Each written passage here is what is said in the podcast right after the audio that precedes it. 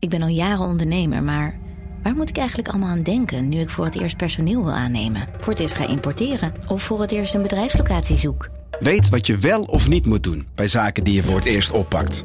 Check kvk.nl voor praktische stappenplannen. KVK, hou vast voor ondernemers.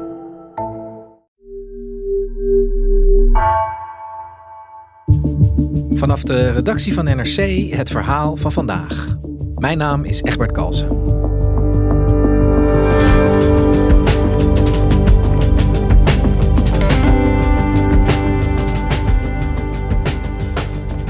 Een hinderlijke band om je been.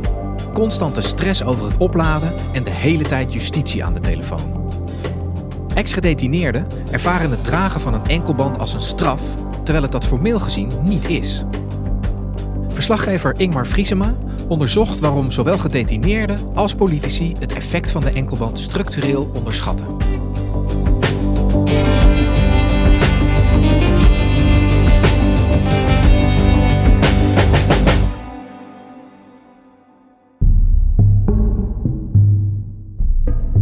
Kijk, dit is de strap, die gaat bij om. Die hebben we verschillende maten van.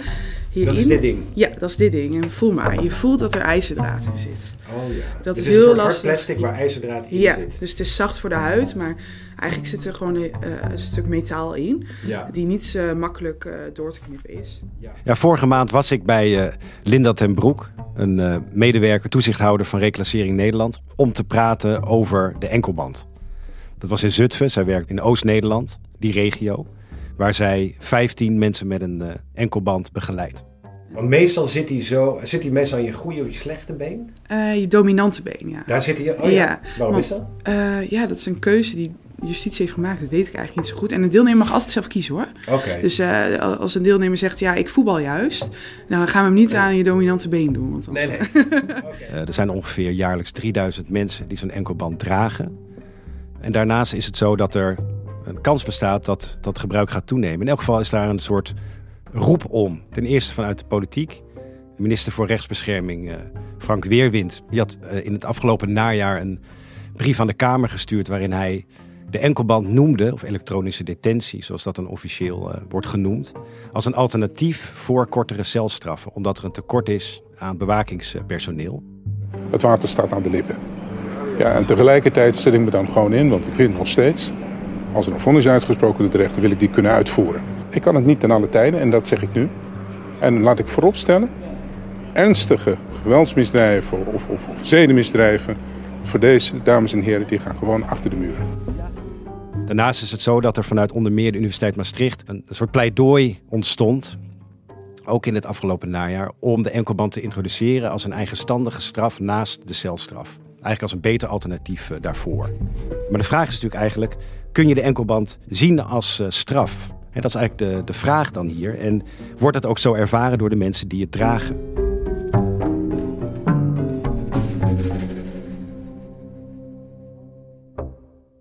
Ja, Ingmar, hoe is dat om een enkelband te dragen? Ehm, laten we eens bij het begin beginnen. Hoe, hoe krijg je een enkelband? Ik bedoel, wanneer krijg je zo'n ding? Je krijgt eh, de enkelband eigenlijk als je je bevindt tussen het stadium van vastzitten en vrij zijn. Dus justitie vertrouwt erop dat jij onder bepaalde voorwaarden eh, weg mag uit hechtenis. Of dat nou een soort schorsing is van je voorlopige hechtenis. Hè, dus nog voordat er een vonnis is uitgesproken. Of dat het een eh, voorwaardelijke invrijheidstelling is. Dat je dus al vast zat en dat je vervolgens mag wennen aan je vrijheid. Onder toezicht oog van justitie. Ja, hey, en, en hoe werkt zo'n ding? Ik bedoel, wat zit daar voor techniek in? In de enkelband zit een GPS-machinerie, een soort tracker, die jou in de gaten kan houden. Het is trouwens niet zo dat de GPS altijd aanstaat. Eh, dat hangt van je soort straf eh, af. Ik heb me laten vertellen door Reclassering Nederland dat in driekwart van de gevallen die GPS aanstaat. En dat betekent dat justitie via de enkelband om jouw been in de gaten kan houden waar jij bent. Dat heeft te maken met een locatieverboden. Dat er dus vaak een plek is waar een slachtoffer zich bevindt, waar je niet mag komen. Dat kan een aantal wijken zijn in een stad, maar het kan ook een hele stad zijn. Het kan zelfs een provincie zijn waar je niet mag komen. En dat kan justitie dus via die GPS en enkelband in de gaten houden. En, en hoe gaat dat dan in zijn werk? Ik bedoel, je, je hoeft niet meer in de cel te zitten. Je mag naar huis, je krijgt zo'n enkelband. Hoe, hoe gaat dat? Doet justitie dat ding om bij jou?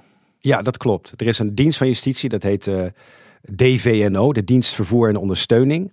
En die, ja, die voert eigenlijk de logistiek rond die enkelband uit. En die doet, die persoon, van een justitiemedewerker doet, die doet dus bij jou die band om je enkel. Dat kan je dus niet zelf doen, dat wordt door justitie gedaan. In de meldkamer van justitie en ook de reclassering, dus je toezichthouders, die kunnen dus via die GPS op hun eigen schermen precies zien waar jij je ophoudt. En of je stilstaat en of je je voortbeweegt. En als je dus verplaatst van A naar B, dan zien zij van die kleine rondjes op hun scherm oplichten. Zoals je dat wel bij wandelroutes in het bos hebt. Van die kleine rondjes zo in een kleur. En als ze daar dan met hun muis overheen gaan, dan zie je dus precies met welke snelheid je je voortbeweegt. Dus ze kunnen ook zien of je loopt, of dat je hard loopt, of dat je een langzame hardloper bent. Of dat je bijvoorbeeld net harder gaat dan 130 km per uur. En je kan hem ook niet afdoen. Nou ja, je kan hem wel afdoen. Maar dat moet je eh, enig geweld gebruiken. Je kan hem doorknippen. Alleen krijg je dan de repercussie dat je gewoon waarschijnlijk weer vast komt te zitten. En wat er ook in die band zit, is een soort infraroodsensor.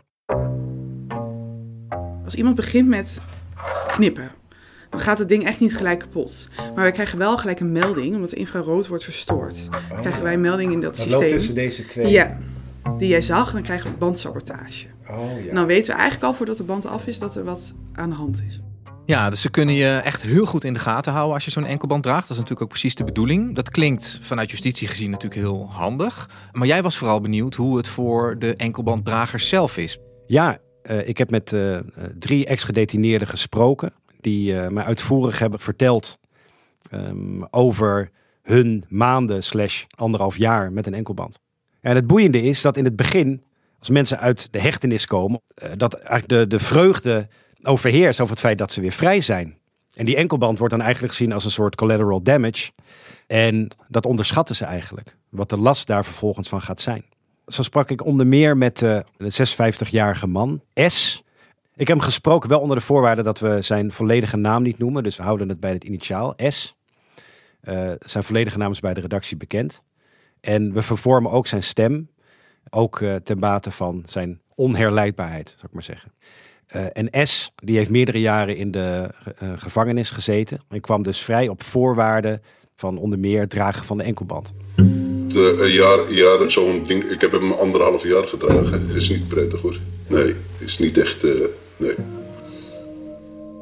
En wat opviel toen S erover vertelde, is dat hij eigenlijk ook die enkelband wat onderschatte toen hij hem eh, omkreeg. Maar hij kwam er toch achter, al vrij snel, dat het niet niks is. Alleen al bij iets banaals als gaan gaan slapen. Ehm, want zo'n enkelband, moet je je voorstellen, dat is niet een plat ding, maar er zit een soort bolle vorm in, waar die, dat, die computer in zit, die GPS-tracker zal ik maar zeggen. En dat, dat slaapt bijvoorbeeld vervelend, dus daar moet je aan wennen. En daarnaast was het zo dat hij zich schaamde voor die enkelband en maakte zich zorgen over de zichtbaarheid ervan. Ja, je, hebt, je kan niet naar het strand met die warmte of wat dan ook in de zomer. Nou ja, je kan wel. Alleen zeg ik, kijk, ik schaam me dood als ik bijvoorbeeld zo rondloop met zo'n enkelband om me heen. Eh, ik sprak er dus ook over met, eh, met Linda van de reclassering, die dus bij wijze van proef die enkelband een week droeg. eh, en hem over haar skinny jeans droeg. Dat ging er ook niet onder met dat bolle geval. En daar nou ja, bleek eigenlijk de vrees van enkelbanddragers dat het zichtbaar is. Zeker niet ongegrond. En toen ze hem nog maar net eh, om had, ging zij in de trein. En daar maakte zij mee dat een andere passagier in die trein gewaar werd van haar enkelband. En die keek, en die keek nog een keer en sloeg haar hand voor haar mond. En die pakte zo haar telefoon met zo'n klepje. Die maakte gewoon een foto van mij, terwijl ik die band om had.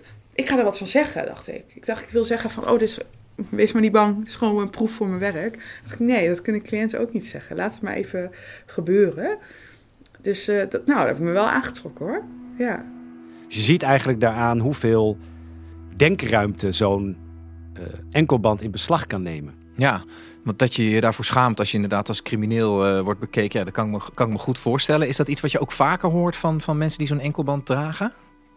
Nou ja, het grappige is dat je ook onder mensen die eh, vastzitten, en dan vooral onder jongere mensen, soms een, iets, een ander geluid hoort. Namelijk dat zij die enkelband juist zien als een soort eh statussymbool.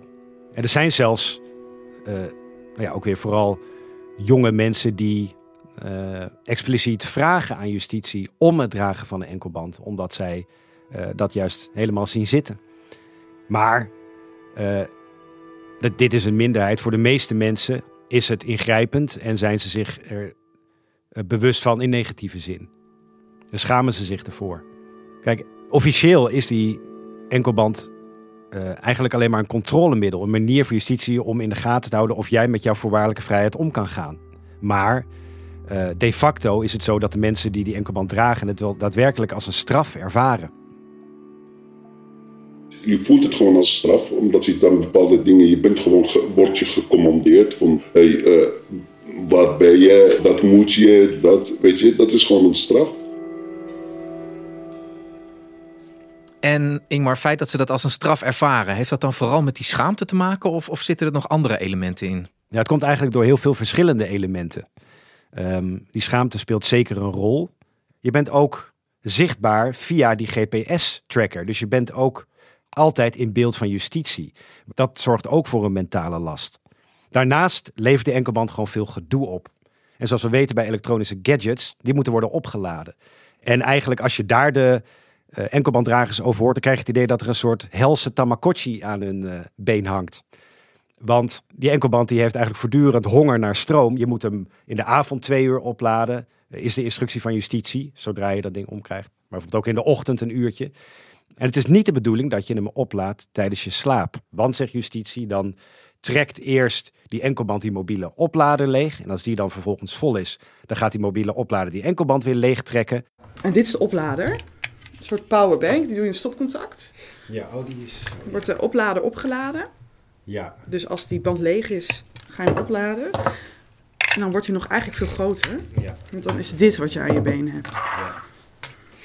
ja. Best wel een apparaat. Dus je moet het doen terwijl je wakker bent. Dus je moet plannen wanneer je hem thuis oplaadt. Uh, en vooral op het moment dat je bijvoorbeeld werkt en werkt aan je reïntegratie, dan moet je dat dus heel goed plannen. Want je, je gaat dat niet op je werk doen in principe. Hoe lang doet hij het zonder opladen? Ja, je kan er ongeveer, uh, op het moment dat je hem drie uur oplaadt, kan je er wel ongeveer een werkdag mee doen. Maar er zijn wel factoren die maken dat hij sneller gaat leeglopen. Dus op het moment dat je sowieso de GPS-stand op je, uh, op je enkelband zit, dan gaat het sneller. Daarnaast schijnt het ook zo te zijn dat als het koud is, dat die ook sneller leegloopt. En op het moment dat je op een plek bent waar geen bereik is en die GPS-tracker dus enorm moet gaan zoeken, is dat ook het geval. En dat is geen uitzondering, want wat zie je vaak bij mensen die er vast hebben gezeten en die reïntegreren? Die komen dan op een soort werkplaatsen terecht, van uh, een soort sociale reïntegratieplaatsen. Daar is het bereik niet goed, dus daar loopt zo'n enkelband ook sneller leeg. Daar is het trouwens ook zo dat de meldkamer zich afvraagt: waar bevindt Pietje zich? Waardoor die bijvoorbeeld gaat bellen met die persoon. Dit vertelde bijvoorbeeld S, dat hij ging werken, niet lang nadat hij vast kwam te zitten, bij een bolle kwekerij, waar eigenlijk geen bereik was. En hij werd dus gebeld door die meldkamer van die dienst vervoer en ondersteuning. En op het moment dat je gebeld wordt door justitie, door dat telefoonnummer, dan moet je opnemen.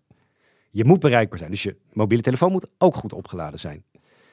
Maar hij nam dus op, maar het was niet de bedoeling van zijn werkgever dat hij zou bellen onder werktijd. Dus die werkgever die klaagde weer over het feit dat hij de telefoon opnam. Toen zei ik van ja, luister eens, ik ben aan het werk en nu, zeg maar, daar, daardoor gaan jullie me wel mijn baan verpesten, weet je. En een saillant detail is dat jij zelf als enkelbanddrager niet ziet voor hoeveel procent die is opgeladen. Die informatie heeft alleen justitie. Dus die heeft als het ware de controle en die kan zeggen op het moment dat jouw accu van jouw enkelband onder de 25% zakt, ga dat ding opladen. Maar zelf als enkelbanddrager tas je dus eigenlijk voortdurend half in de duister. En justitie wordt ook erg zenuwachtig op het moment dat ze zien dat die enkelband leeg raakt. Op het moment dat die op 25% zit, dan krijg je automatisch een sms'je vanuit de meldkamer van justitie. Ga de enkelband opladen. Doe je dat niet, en zakt die inmiddels weer verder uh, onder die 25%, gaat hij naar 16, 15%, ga je op een gegeven moment ook gebeld worden. Je bent continu echt gewoon bezig in je hoofd van, ja, moet ik nu opladen? Is die leeg? Waar moet ik dan naartoe? Moet ik dan naartoe? Want dan ben je echt gewoon, echt continu mentaliteit, ben je gewoon ook bezig met dat ding. Dat klinkt uiteindelijk best wel ingrijpend, zeg maar. Hè? De, de, de Ja. dwang en, en eh, ja, de dwang die dat ding eigenlijk eh, oplegt aan je. Eh, tegelijkertijd, het geeft je toch ook wel, zeker als je het afzet tegen een gevangenisstraf, veel vrijheid. Ik bedoel, je kunt gaan en staan waar je wilt, toch? Ja, nou ja, Zo simpel is het helaas niet.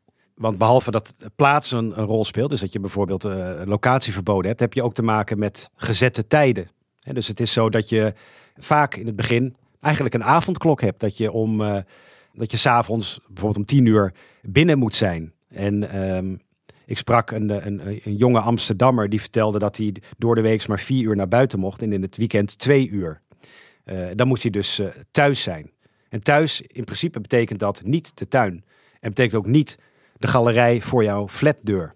Binnen is echt binnen. En daar moet je dan dus begeven. Kijk, op het moment dat je in de gevangenis zit, dan kan je binnen alle restricties die er zijn, je nog wel enigszins vrij voelen in de cel. Maar op het moment dat justitie jouw vrijheid gunt, onder voorwaarden, dan hijgen ze eigenlijk, ironisch genoeg, veel meer in je nek. Ja, als je dat zo allemaal op een rijtje zet, dan, uh, ja, dan, dan is het toch best wel. Dan voelt het in ieder geval wel heel erg als een straf, hè? Zo'n enkelband, denk ik, voor veel mensen die hem dragen. Zeker. En een conclusie is eigenlijk: nou ja, dit is sowieso geen kattenpis. En dat is eigenlijk sowieso iets dat de enkelband uh, kenmerkt, of het praten en het denken over de enkelband, dat je eigenlijk heel erg snel geneigd bent om het te onderschatten. Je denkt het is een enkel bandje. Je denkt misschien aan zo'n zo'n zo'n bandje dat je in het zwembad wel eens omkreeg als kind. Maar er zit gewoon een heel uh, justitieel monitoring systeem aan vast. En dat kan je eigenlijk pas goed doorvoelen op het moment dat je hem hebt gedragen. Dus het is formeel geen straf, maar het voelt dus heel duidelijk wel als een straf hè, voor de mensen die dat ding dragen. Nou wordt er in Nederland altijd gestraft met als doel mensen weer terug te laten keren naar de maatschappij. Hoe, hoe scoort de enkelband wat dat betreft? Nou ja, je zou kunnen zeggen goed. In die zin dat een enkelband een instrument is waarmee je weer onder voorwaarden wendt aan het uh, zijn van een lid van de maatschappij. En dat is anders dan dat je in de gevangenis uh, zit. En uh, er zijn ook wel onderzoeken naar geweest naar het gebruik van de enkelband. Maar feit is dat het leidt tot een lagere recidive, dus een lagere terugval in de misdaad dan in de gevangenis. Het is natuurlijk ook veel minder ondermijnend in die zin dat in de gevangenis vallen eigenlijk de pijlers onder je bestaan weg. Je verliest vaak je huis omdat je de huur niet meer betaalt. Je hebt geen inkomen meer. Uh, relaties komen onder grote druk te staan of je partner verlaat je. Dat is nou niet echt bepaald gunstig voor je uiteindelijke terugkeer in de maatschappij. Dat je dan helemaal van nul of van min 10 moet beginnen. We zitten nu midden in een even vastgelopen kabinetsformatie. Maar als jij een inschatting zou moeten maken, is er nou een kans dat die enkelband uiteindelijk de status van strafmaatregel gaat krijgen? Ja, ik denk om, om de banale reden dat er, nou ja, zoals er bijna aan alles een tekort is, is er dus ook een tekort aan bewakerspersoneel. En dat probleem is zo nijpend dat er eigenlijk nu naar, al improviserend naar maatregelen wordt, uh, wordt gezocht. Dus dat zie je nu ook de demissionair minister voor rechtsbescherming doen. Uh, om elektronische detentie dan in te voeren als een alternatief, of op te leggen als een alternatief voor een celstraf. De vraag is alleen of de enkelband dat politieke debat overleeft. Maar het, het, het, probleem is nou eigenlijk juist dat er vaak over gesproken wordt, ook door politici, alsof iedereen weet wat het is. Dus mensen uh, overschatten hun kennis en onderschatten de last van de enkelband. Waardoor je toch al heel snel uh, krijgt dat er altijd mensen in de Tweede Kamer zullen zijn. En in de maatschappij uh, in brede zin. Die zeggen: ja, dit is, dit is nou iets typisch slaps Nederlands. Een soort justitie-Rolex. Maar als je je verdiept in deze materie, dan blijkt dat toch echt wel anders te liggen. Dankjewel, Ingmar. Graag gedaan. Je luisterde naar vandaag, een podcast van NRC. Eén verhaal, elke dag. Deze aflevering werd gemaakt door Ruben Pest, Lotteke Bogert en Bas van Min. Coördinatie Henk Ruigrok van de Werven. Dit was vandaag. Morgen weer.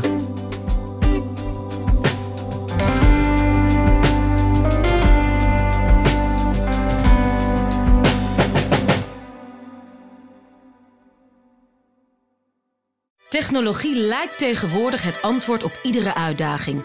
Bij PwC zien we dit anders. Als we de potentie van technologie willen benutten, kunnen we niet zonder een menselijk perspectief. Human-led, tech-powered noemen we dat. Ga naar pwc.nl.